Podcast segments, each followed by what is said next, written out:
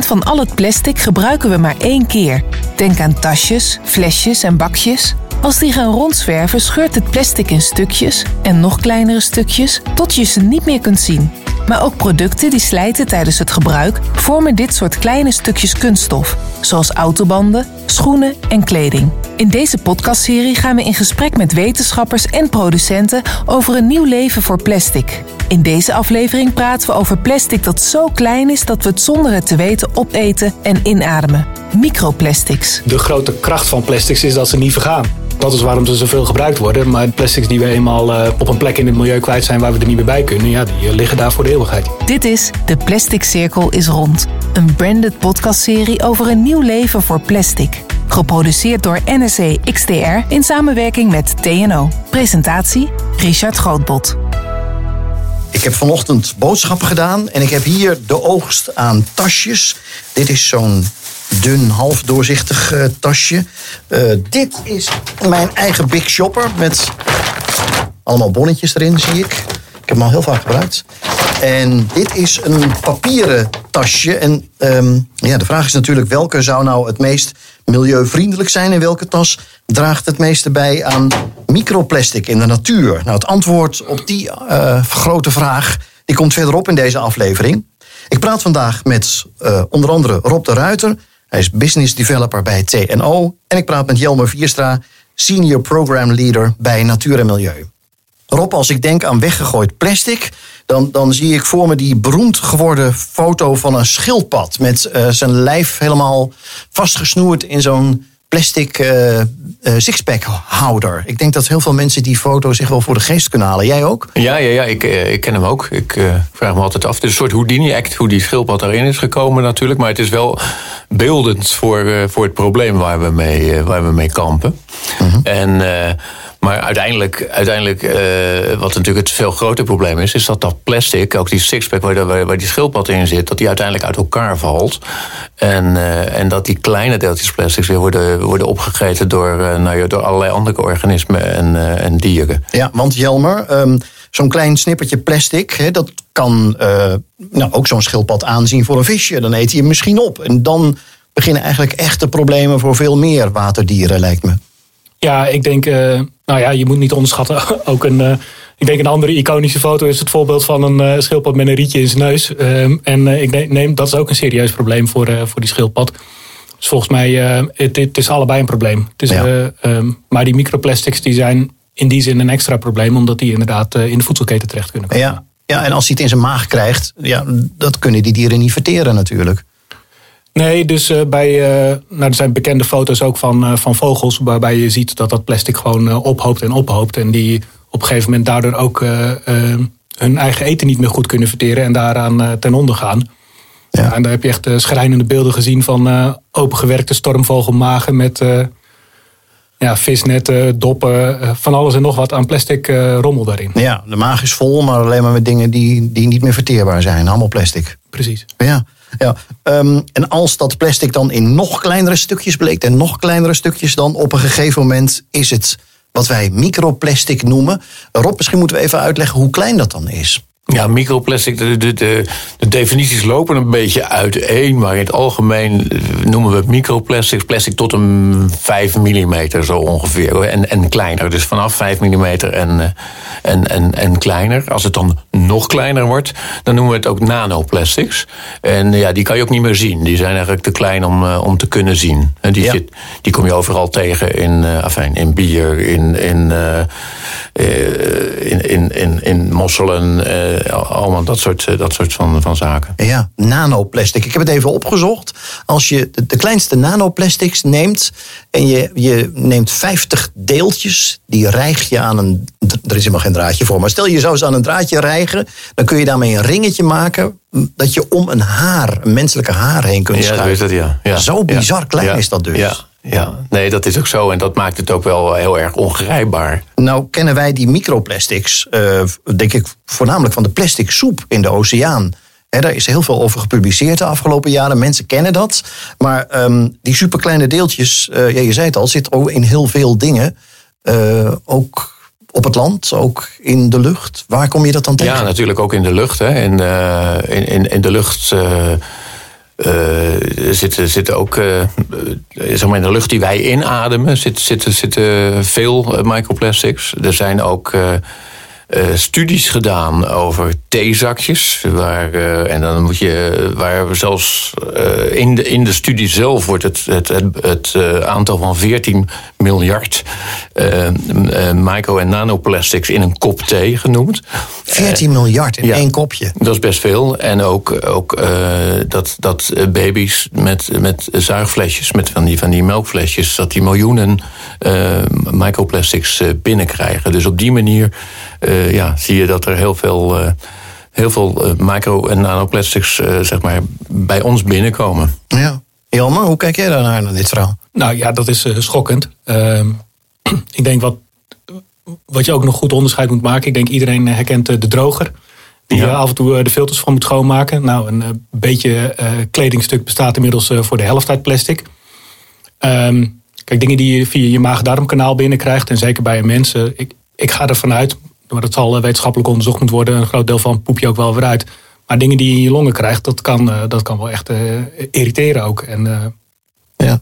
Dus er zijn heel veel routes waarop microplastics in het milieu terechtkomen. En er zijn ook heel veel routes waar langs microplastics in een levend wezen terecht kunnen komen. Ja, je noemt nou textiel. In het voorgesprek zei je tegen me, sommige kleding vraagt er bijna om dat je vezels kwijtraakt. Wat bedoel je daarmee? Nou, ik denk wat, wat 15 jaar geleden een van de grote successen was van plastics recycling. Dat waren oude petflessen die omgezet werden in vlies. En dat werd dan een soort gepresenteerd als, uh, ja, dit is zelfs een vorm van upcycling. Hè. We hadden een fles en we maken er een kledingstuk van met nog meer waarde. Maar ik denk iedereen die die vezels ziet, zo'n vliesproduct, ja, dat is een hele fluffy. Uh, ja, je hoeft maar te niezen en, uh, de, de vezels waaien er al af, zeg maar. Dus ja, Dat, ik vermoed dat dat een grote bron is van microplastic vervuiling. Rob? Ja, nee, dat, dat, is, ook wel, dat is ook wel bekend inderdaad. Uh, autobanden en, uh, en kleding. En wat, wat Jelmer zegt, uh, ja, we kennen het allemaal inderdaad van de droger natuurlijk. Maar, dus bij, maar ook bij het, bij het wasproces. Daar komen ontzettend veel microplastics bij, bij vrij. En ja, de oplossing daarvan is, is natuurlijk best ingewikkeld. Hè? En uh, we hadden het er net wel even over waar, waar komen die microplastics nou, nou in terecht. En ja, daar moet ik wel zeggen, daar, daar, daar wordt vooral ook nog onderzoek naar gedaan. Hè? Want er, er zijn inderdaad de kleinste, de kleinste deeltjes die, die, uh, die gaan via je darmen, uh, worden die opgenomen en komen die inderdaad in, in andere organen terecht. Dat is bekend, dat is bekend van dierproeven. Hm. En, en in je longen wordt er ook een, een klein deel. En dat is, dat is één of 2 procent van wat je binnenkrijgt. Maar ja, goed, belangrijk is natuurlijk om te weten wat het uiteindelijk doet. Ja, we gaan zo even verder praten over wat dat voor menselijke gezondheid en voor het dierenleven uh, doet. Uh, laten we eerst even op een rij zetten welke uh, bronnen van microplastic zijn er. Plastic is een materiaal dat langzaam afbreekt in alsmaar kleinere deeltjes, de zogeheten microplastics. Deze minuscule deeltjes bevinden zich in de lucht die we inademen het water dat we drinken en het voedsel dat we eten zonder dat we al precies weten wat de risico's voor milieu, dier en mens zijn. Belangrijke bronnen van microplastics zijn kleding, autobanden en zwerfafval. Microplastics kunnen ontstaan door het afbreken van zwerfafval, maar ook tijdens het gebruik van een plastic product, bijvoorbeeld door slijtage van autobanden of schoenen en kleding, oftewel textiel. Ze kunnen ook al gemaakt zijn als microplastics en als ingrediënt worden toegevoegd aan cosmetica-producten. Ja, microplastics vind je dus echt bijna overal terug. Maar wat weten we nou van de gevolgen in het milieu en de gezondheidseffecten?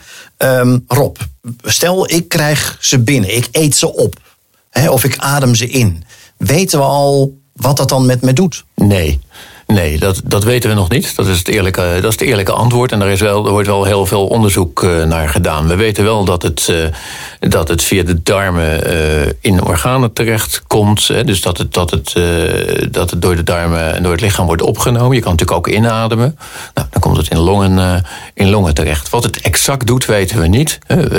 je zou kunnen zeggen van, nou, we worden er niet onmiddellijk ziek van. Maar dat worden we van fijnstof ook niet. En het is natuurlijk toch te vergelijken met fijnstof, waarin we ook wel weten dat er natuurlijk allerlei andere chronische aandoeningen uh, door fijnstof uh, uh, gebeuren. En ja, dat zou ook met, met, met microplastics het geval kunnen zijn. Maar alleen dat hoeft niet. Maar dat moeten we wel, wel uitzoeken. Ja, je zegt dat hoeft niet. Maar ja, dat zeg je ook vooral omdat je het niet weet, toch? Jazeker, ja. ja. Maar daar kan toch geen onderzoeker mee akkoord gaan? Je zegt net, het is bijna overal. We ademen het in, we eten het op en we weten niks. Nee, dat klopt. En dat, dat, maakt het ook, dat maakt het ook spannend. Het is natuurlijk ook echt een, eh, een, een ding van de laatste tijd. En, en, eh, en, en we zijn daarmee eh, mee geconfronteerd. Wordt daar nu wel echt goed onderzoek naar gedaan? Jazeker, ja. Dus goed, nou, TNO die doet, die, die zit in verschillende uh, gremia waarin, waarin daar onderzoek naar, naar wordt gedaan. Ook andere instituten doen dat uh, uiteraard. En dat zit hem ja, vanuit. vanuit en dat, dan, dan wordt er inderdaad onderzoek gedaan naar inademen en opeten. En, en wat dat dan voor, eh, voor effect zou, eh, zou kunnen hebben. Ja, want ik zat net te denken, dat moet heel breed onderzoek zijn dan. Ja, ja, dat moet het ook, dat moet het ook zijn. Hè. Het, het, hangt er natuurlijk vanaf met hoeveel, hoeveel je binnenkrijgt. Dus de concentratie van, uh, van microplastics die je binnenkrijgt. En, ja, en, en hoe het zich dan verspreidt in het menselijk lichaam. Of inderdaad uh, in, uh, in, in dieren. Ja, want de gevolgen voor de natuur, Jelmer, wat, wat, wat weten we daar dan van? Nou, volgens mij weten we van de gevolgen van microplastics ook nog niet zoveel. Behalve dan dat ze via, inderdaad, uh, via plankton uh, opgegeten kunnen worden. En dan, net als bij mensen, kunnen, kunnen ophopen in levende wezens. Mm -hmm.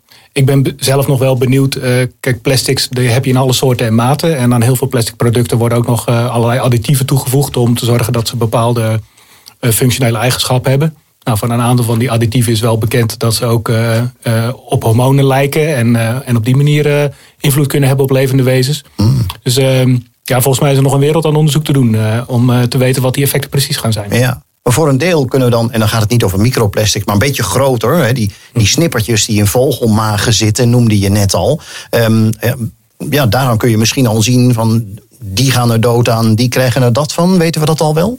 Nee, daar is nog niet zo heel veel over bekend. Um, maar ik denk dat het goed is om je te realiseren, die, die additieven, ehm, die heb je in alle soorten en maten. En, uh, en voor sommige plastics, die, die werden niet voor voedselverpakkingen bijvoorbeeld geschikt zijn. In het verleden werden daar ook zware metalen aan toegevoegd. En uh, um, dus volgens mij, die, die milieueffecten die kunnen zeer uiteenlopend zijn. Omdat uh, ja, plastic lijkt plastic, maar het is een enorme familie aan producten. Met ook een enorme hoeveelheid verschillende toevoegingen. Ja. Ja, kunnen we toch even een voorbeeld nemen om duidelijk te maken hoe, hoe erg dit ingrijpt in de natuur? Die plastic soep, die zorgt op een gegeven moment, die licht uh, ja, drijft op, de, op de golven. En, en die, die zorgt ervoor dat er minder licht naar beneden kan. Ik heb gehoord dat dat voor plankton eigenlijk hartstikke slecht is.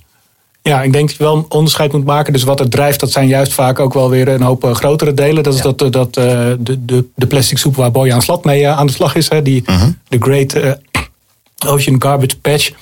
Um, maar wat, wat eigenlijk um, um, wel schokkend is, is dat dat deel van het plastic wat blijft drijven, is eigenlijk maar een heel klein deel.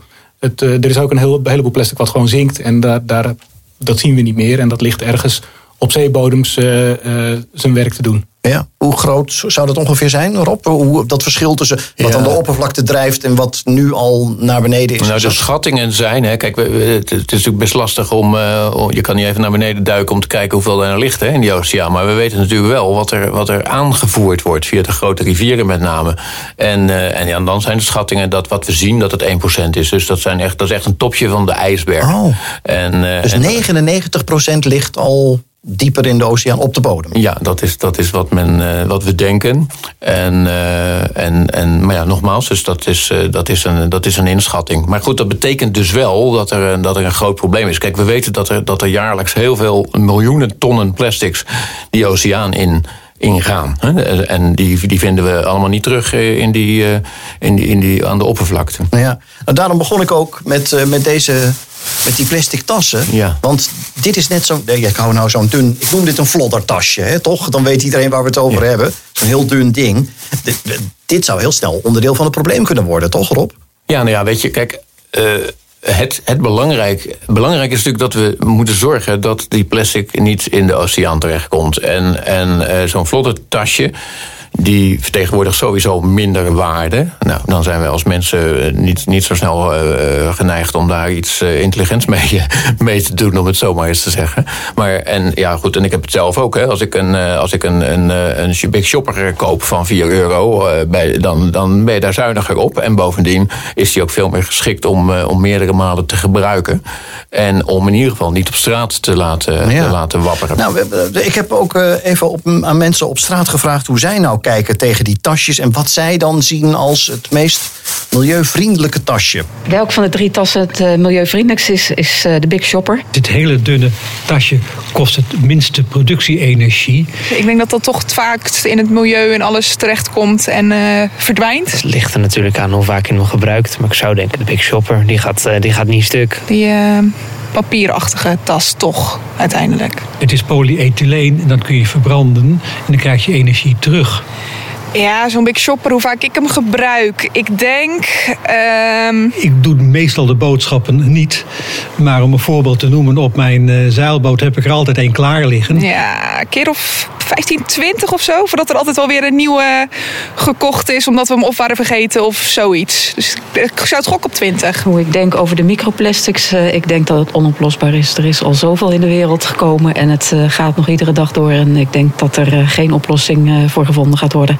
Dus ik zit zelf niet dagelijks op zee, maar dat beelden die je daarvan ziet is best wel. Eh, best wel dat vind ik wel zorgwekkend. Hoe ik denk over microplastic, ja, daar ga ik toch een beetje uh, eruit van wat ik dan een keer in het nieuws hoor over plastic soep. En alles wat ik hoor is dat het een gigantisch probleem is om op te lossen en dat er maar geen oplossing gevonden wordt. Ja, dus ik heb zelf geen idee. Ik bedoel, je hebt iedereen zegt wel het is een groot probleem, alleen je hebt er geen besef bij. Ik bedoel, je gebruikt gewoon plastic.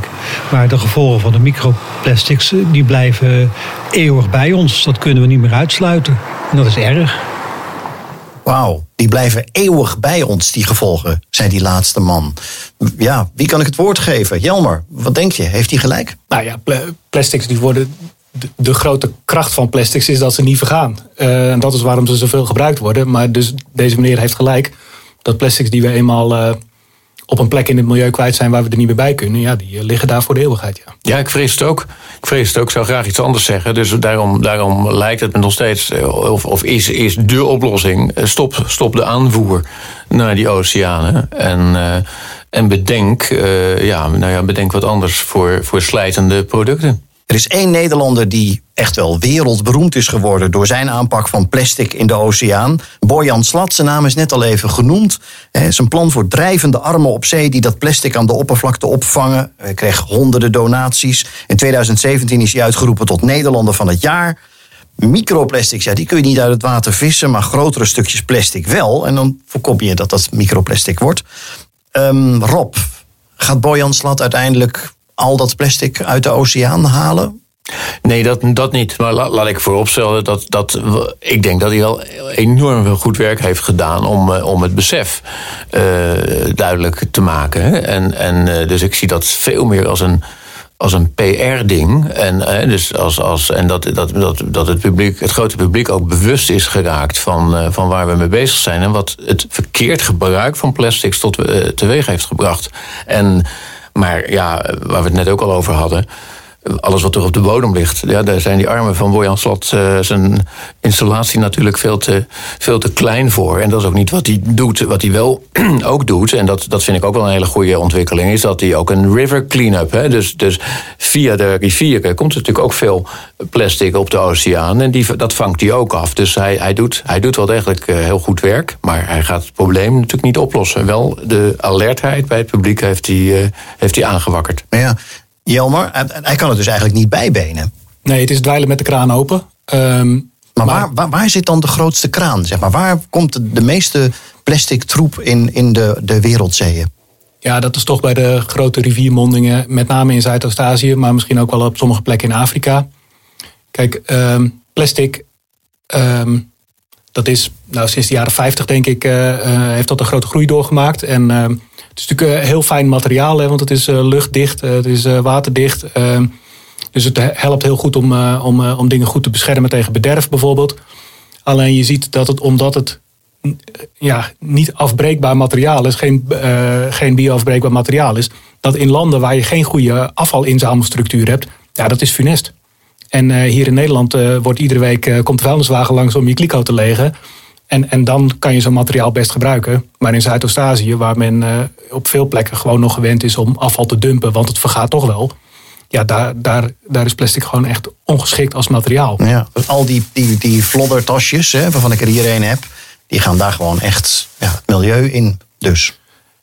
Ja, en het zorgelijke is dat we afgelopen jaren hebben gezien dat, eh, dat zelfs eh, ook Nederlands afval eh, vaak nog die kant op geëxporteerd wordt. Onder het mom van het moet daar gerecycled worden. Maar daarvan, daar bestaan ook wel grote twijfels over of, of dat niet daar ook op, op vuilnisbelten belandt. En eh, ja, het nadeel ook op die plek is, als je daar een, een vuilstort hebt en hij is vol. Ja, dan zie je ook nog wel eens een bulldozer die wat ruimte maakt en, en de boel gewoon de zee in bulldozert. Want dan, eh, dan kan het bedrijf door en eh, weer nieuw afval accepteren. Aha. En ondertussen doen ze tegenover ons, zeg maar, ja, we hebben het gerecycled. Ja, dat, dit is allemaal eh, anekdotisch en er is geen hard bewijs voor. Maar kijk, wat we in Nederland deden was het moeilijk recyclebare plastic. Eigenlijk het mengsel van allerlei kleine dunne folietjes en dit soort tasjes inderdaad. Dat gingen we exporteren. Maar ik denk dat je ervan uit kan gaan dat als het in, in West-Europa met al zijn technologie niet gerecycled gaat worden. Dan is het, ligt het niet voor de hand dat het dan in Zuidoost-Azië wel hoogwaardig gerecycled kan worden. Rob? Wat we moeten doen, zou ik zeggen, is. is ehm, en daar zijn we natuurlijk ook, ook hard mee bezig. Dat, dat is een, een echte circulaire economie opbouwen. Dus je moet ervoor zorgen dat het makkelijker wordt gemaakt. Dat de recyclingtechnologieën worden verbeterd. En dat je uiteindelijk het, eh, alle plastics in het systeem houdt. Ik wil nog even terug, Jelmer, naar eh, de kleding. Want ehm, jij zei dat in het begin van deze aflevering al. Hè, hoe, hoe, eh, als ik het even samenvat, hoe ontzettend verontreinigend eh, die industrie is. Hè? Hoe zou je die dan, die industrie, kunnen omdraaien zodat eh, dat niet meer zo vervuilend is? Kijk, de, de uitdaging die zit hem er volgens mij bij kleding in. Ehm, wat Rob zegt terecht. Ehm, bij verpakkingen zijn we al best een end in Nederland. Hè. Daar hebben we zogenaamde producentenverantwoordelijkheid. Dus dat betekent dat ieder bedrijf dat een verpakking op de markt brengt... eigenlijk ook eh, ervoor verantwoordelijk voor is om te zorgen... dat die daarna weer ingezameld en gerecycled gaat worden. Dat is waar eh, het hele PMD-afval inzamelen bij mensen thuis eh, van betaald wordt. Ja, wij denken dat je dat soort eh, eh, eh, prikkels ook bij eh, textiel moet gaan gebruiken. Dus daar moet producentenverantwoordelijkheid op komen. Een soort fonds waar ze, Ja, fonds. Maar, waar ze eh, zelf geld in stoppen. Ja, dus op het moment dat eh, mensen hun eh, kleding eh, afdanken, dan moet daar recyclingtechnologie van betaald worden om te zorgen dat die vezels weer opnieuw gebruikt kunnen worden. Dat we niet telkens nieuwe grondstoffen nodig hebben. Maar misschien kan er in. kijk, wat we bij verpakkingen doen is ehm, goed recyclebare verpakkingen die betalen wat minder. En slecht recyclebare verpakkingen betalen wat meer. En zo kan je dus in, door met die tarieven te spelen, kan je sturen ook op het betere ontwerp van kleding. En ik denk dat we op die manier kleding die eh, potentieel veel microvezels verliest, ja, die moeten de hoofdprijs betalen. Ja. Dit is eigenlijk ook wat jij net eh, zei, hè, Rob? Dan wil ik nog even weer terugkomen bij de tasjes, hoor. Want Zeker. Ik, ik, ik denk dat ik het antwoord wel bijna kan raden. Maar ja, Rob, vertel het eens. Welke van de drie is het meest milieuvriendelijk? Ja, we hebben een, studie gedaan en dan uiteindelijk is, is of uiteindelijk de pet, de pet-tas, dus de Big Shopper, is, is, eh, is, is de meest de milieuvriendelijke. Waarom? Eh, het werd al gezegd ook eh, in de vragen uit, of, door, de, door, de, het publiek op straat eigenlijk. Hè. Het, het heel belangrijk is hoe vaak kan je, zo, kan je zo'n tas gebruiken. En waar veel mensen niet aan denken bij bijvoorbeeld papier. Want papier wordt vaak gezien als een hele milieuvriendelijke eh, ge- eh, stof. Ja. En, maar, maar goed, eh, en, en, eh, maar die gaat, gaat veel, minder lang, eh, veel minder lang mee. Want ik heb hem bij de Ja. natuurwinkel. En, Ja. en ik heb die mevrouw er nog naar gevraagd. En eh, ze zei van, ja, ik heb juist eh, alleen maar papieren tasjes. Want daar zit geen plastic in. Ja, nee, en plastic heeft natuurlijk een beetje de. Ja, eh, nou, het is bijna demonisering. Maar eh, tegelijkertijd, ja, ik zeg altijd: we moeten toch een heleboel emotie proberen te rationaliseren. Dus daar getallen aan, aan te hangen. Wat Jelmer net ook al zei. Hè, dat, dat, en, en daar zijn we nog. Daar zijn we nog niet. Hè. We, zijn, we, we weten wat het met CO2, hoe het met CO2 zit. Hoe het met landgebruik zit. Met fijnstof. Nou, dat is een van die redenen waarom een katoenen tas ook niet zo geweldig is. Dat denken ook vaak veel mensen. Dat bio-based, dan is het goed. Maar je hebt landgebruik waar je eigenlijk groente op wilt telen. Je, er, er, wordt, er komt heel veel fijnstof bij vrij. Er komt, er zit een hele wereld achter nog. Die water mee moet rekenen. Enzovoort. Ja. Uiteindelijk is die, die Big Shopper, die, die, die, doet het het, die doet het het beste. Lang leven de Big Shopper. Ja, ben je het ermee eens, Jammer? Kijk, als je puur gaat kijken naar, naar de LCA, naar de klimaatimpact bij het produceren van een Big Shopper. Kijk, een Big Shopper maken kost meer energie dan zo'n hemdtasje maken of dan zo'n papieren tasje maken. Maar de winst zit hem erin natuurlijk dat je hem meerdere keren gebruikt. Als je Ja. puur naar de LCA kijkt, dan scoort dat plastic tasje beter. Tegelijkertijd, op het moment dat ze in het milieu terechtkomen, dan is dat plastic tasje wel echt een veel groter drama dan dat papieren tasje. Dus Ja. het hangt er heel sterk vanaf. Wordt er zorgvuldig mee omgegaan. Dus Ja. een, als En dat is iets wat wij kunnen doen. Nu zijn we weer bij de consument. Inderdaad, Absoluut. dit kunnen wij oplossen. Dank jullie wel. Rob de Ruiter van TNO en Jelmer Vierstra van Natuur en Milieu. Dit was De Plastic Cirkel is rond. Een branded podcastserie over een nieuw leven voor plastic. Geproduceerd door NRC XDR in samenwerking met TNO. Naar aanleiding van de recent verschenen paper Verspil het niet over de aanpak van de schaduwzijde van plastics. Ga voor meer informatie naar nrc.nl slash brandedcontent slash TNO.